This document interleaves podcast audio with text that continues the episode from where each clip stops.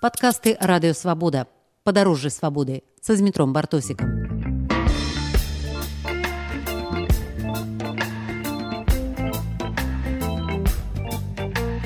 У эфіры радыёвабода пры мікрафоне зміцер бартосік гэтым разам мы едзем у смалявіцкі раён за вёскі крывая бяроза і мглё у госці да філёзафа алеся антипенкі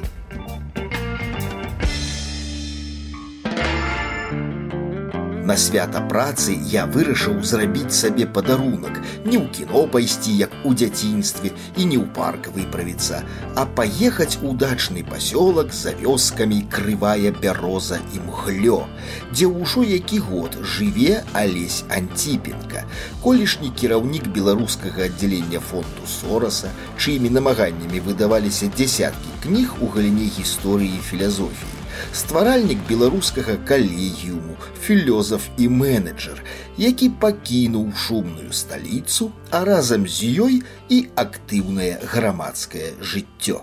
Боже мой, это, это, это было настолько правильное решение, а теперь упэўнены. Потому что, потому что у Менску праблемы не вырашаюцца яны яны частку яны часова вырашаюцца потым зноў паўстаюць і зноў трэба прыкладаць нейкую актыўнасць знаете і пастаянна знаете штосьці этот самый трэба вырашаць Вось і, і, і, і ты просто уштуковваешься у гэты поток які можна назваць кросам да і які які людзі называюць жыццём То есть это бег трусцой, блин, да, постоянно, а часом треба и не только трусцой там.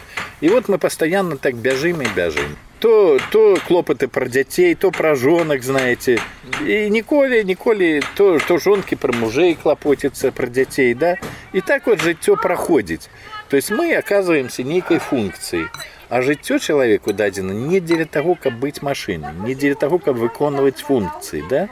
А каб падняцца над гэтымі функцыямі і зразумець вось тую матрыцу матрыцу вечнасці якая закладзена ў кожным з нас а і не проста зразумець як Христос кажа адчуць усім сваім сэрцам душой розумам і інтэлектам і, і всім да і, і тады ты мяняешься да тады ты мяняешься А мы пакуль што жывем у такім свеце калі дзе все меняется Э, знаете, ах, вот зацвела, зацвела там слива. Ну, пригожа, правда, пригожа, да. Ну, в наступном годе будет то же самое. А мы стареем. Мы же не зацветаем с вами, да? Ось, так треба спыніцца і падумаць блин а что это за жыццё да то есть мы конечно живем вот этом свете які індусы і буддызм называя сансара то есть это кола перад трансформацией мы постоянно знаходимся в ситуации нейкіх трансформаций трэба выйсці за гэта кола і той хто выйшаў за гэтае кола да той і выйграў жыццё хто не выйшаў памёр мы сядзелі на залітым сонцы двары алесева жонка алена палівала чырвоныя тульпаны на суседнім участку людзі будавалі парнік яны гледзячы па апантанасці працай не хацелі пакуль выходзіць за кола трансфармацыі і свята працы адзначалі працай я ж як бы ну 5 гадоў фактычна адсутнічаў ні з кім не камунікаваўся акрамя кудовіча вот а я ж чалавек вольны што мне да, ты павіншаваў яго з празднікам этом большим днём працы ну, напісаў яму кажу што валентин васильевич ну калі такое маю ўражанне што калі бы этот самы не плацілі грошы за працу шмат бы хто кінуў так што мы тады святкуем ён мне піша валентин васильевич в адказ піша это самый вялікі дарунак бога чалавеку працы ну, очень паэтычна конечно да что это означае калі чалавек не займаеся працай не хавае ад сябе глыбокія праблемы тады конечно бог вялікі ну сэнсе хавае ад сябе вялікія праблемы тады праца гениальна все такое а калі ты не папрацуеш дзень два месяц вот тады паспрабуй пабыць сам сабой да вот тады і открывается там унутрі цябе бездані просто мы насамрэч не ёсць тыя хто дзейнічае хто хто хто ёсць аўтарам таго што мы зрабілі па вялікім рахунку да І тым больш нам не належаць ніякія вынікі наших высілкаў і нашай працы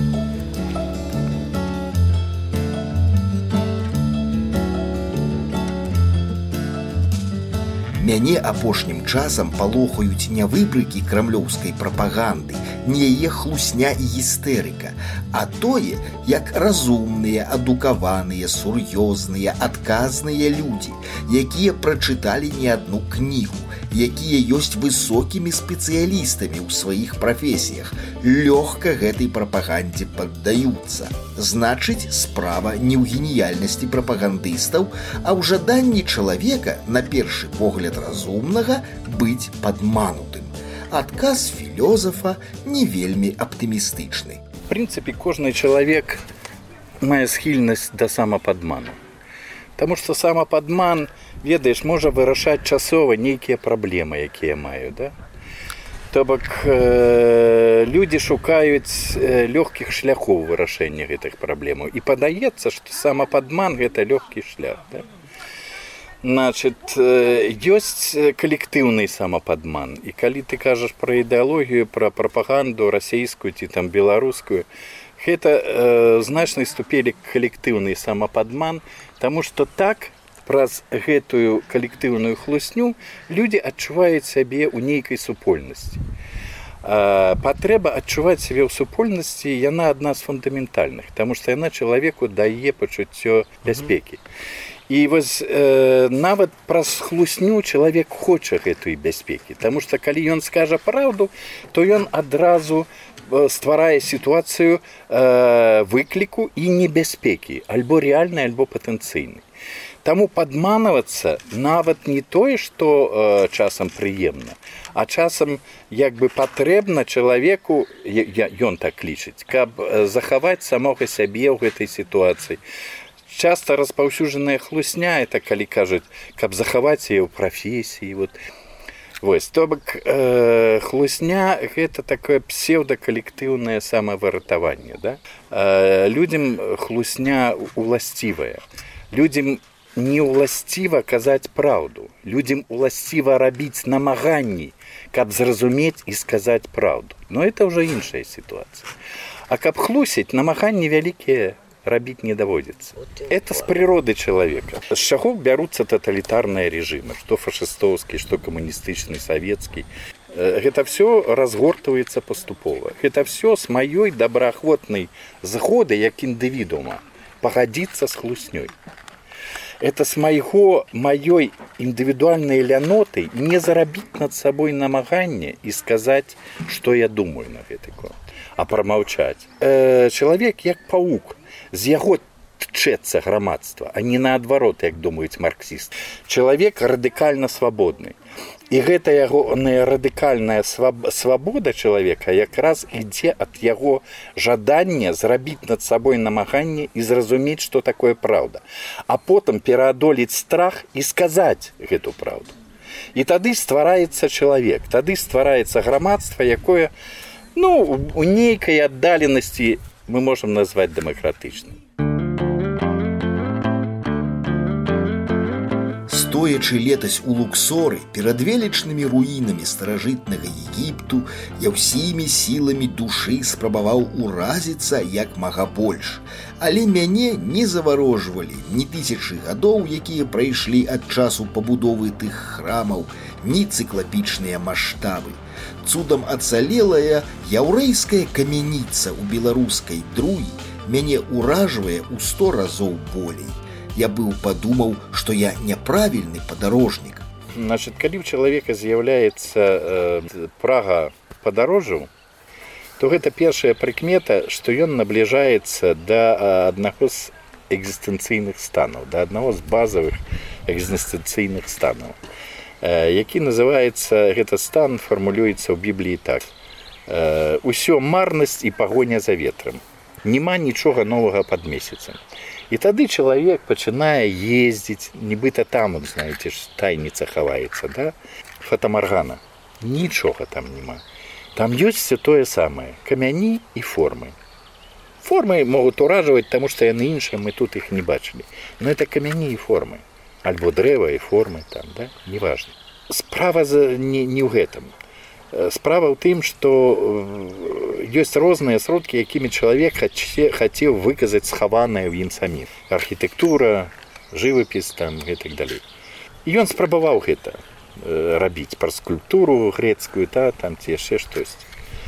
то якраз трэба паспрабаваць убачыць вось тое што схаванае за, за гэтымі формамі кожны з нас мусіць нараджацца кожны дзень з раніцы і быць сведкам нараджэння гэтага свету у першы яго дзень калі гэтага няма то мы живвем неправільна Таму я для сябе напісаў так жыві урачыста свята кожны дзень яно не ў тым што я вот закурыў выпіў там нешта з'еў ці не пайшоў на працу і свята да? нічого падобнага яно ва ўнутреннім стане оно там яно там глыбока Вось і таму калі у людзей з'яўляецца цяга падарожжу то гэта першы знак што яны пачынаюць нудзіцца і хаваюць ад сябе гэтую нуду і пачынаюць развеивацца вот, дым развеиваецца то фильмец хадзіць паглядзець прэм'ерку якую-нибудь то ў египет з'ездзіць знаете на это на піраміды гляну это пачынаецца уцёкі ад самого сябе і вот тут-то вот важно спыніцца чаму я 5 гадоў назад з'ехаў з мінска потому что я зразумеў что жыццё стало механічным што дні падобна адзін на одно што ўсе мне ўжо вядома што будзе заўтра куды мне трэба бегчы і калі я сюды прыехаў то напэўна з паўгады я не мог сесці Таму што мяне падымала эта актыўнасць мне кудысьці трэба бегчы а бегчы нікуды не трэба ты разумееш што это зусім іншае жыццё то есть мы прывучылі сябе не бачыць саміх сябе мы прывучылі быць нейкай функцыяй вот я э, кіраўнік калегіума это функцыя мяне ўжо няма і я мушу як бы кшталтавацца ў выкананні гэтай функцыі насамрэч херня. Калісьці настане момант калі это гэтыя грошы ўжо нікуды не паплывуць толькі на пахаванне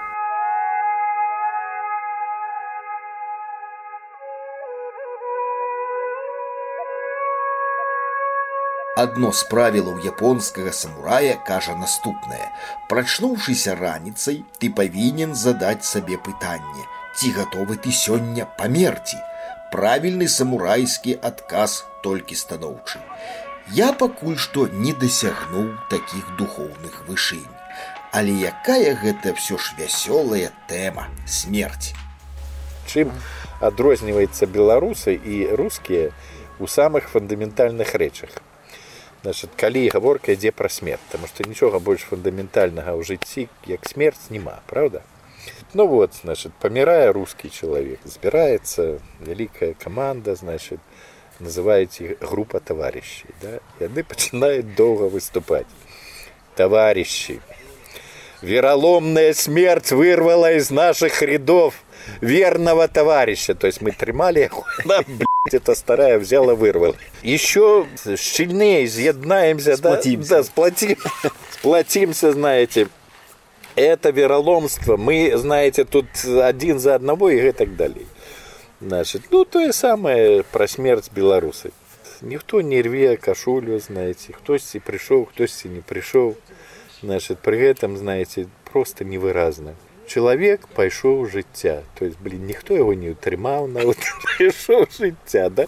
Все неяк так знаеце, ну свабода поўная. Хацеў уже быў пры жыцці, хацеў пайшоў жыцця, то есть это ж ніхто не вырываў нічога. Та що от беларусаў так що ціха спакойна без надрыва пашоў жыцця і все да мы нейкія я б сказаў адараваныя Таму што насамрэч жыццё это дарунак і ён дарунак не сам па сабе таму што гэта жыццё а таму што гэта унікальны шанец Э, убачыць большее за жыццё да Таму што жыццё не можа быць дарункам сам па сабе каштоўнасці жыцця яны як бы выходзяць за межы самого жыцця вот у чым штука і жыццё гэта гэта нешта большее чым само жыццё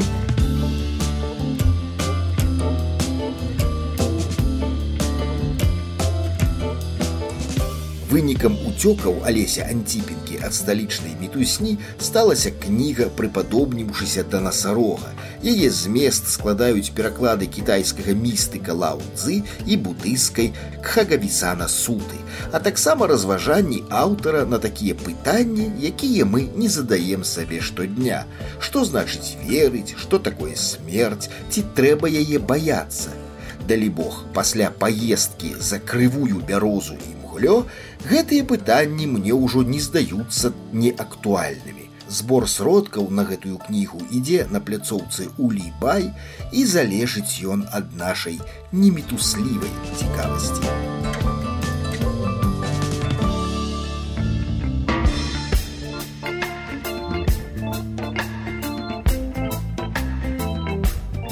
Вы слухалі падкаст радыёвабода. Наступны выпуск праз тыдзень. Усе падкасты свабоды ў інтэрнэце на адрасе свабода кропка орг. Штодня у любы час у любым месцы, калі зручна вам. Свабода кропка орг.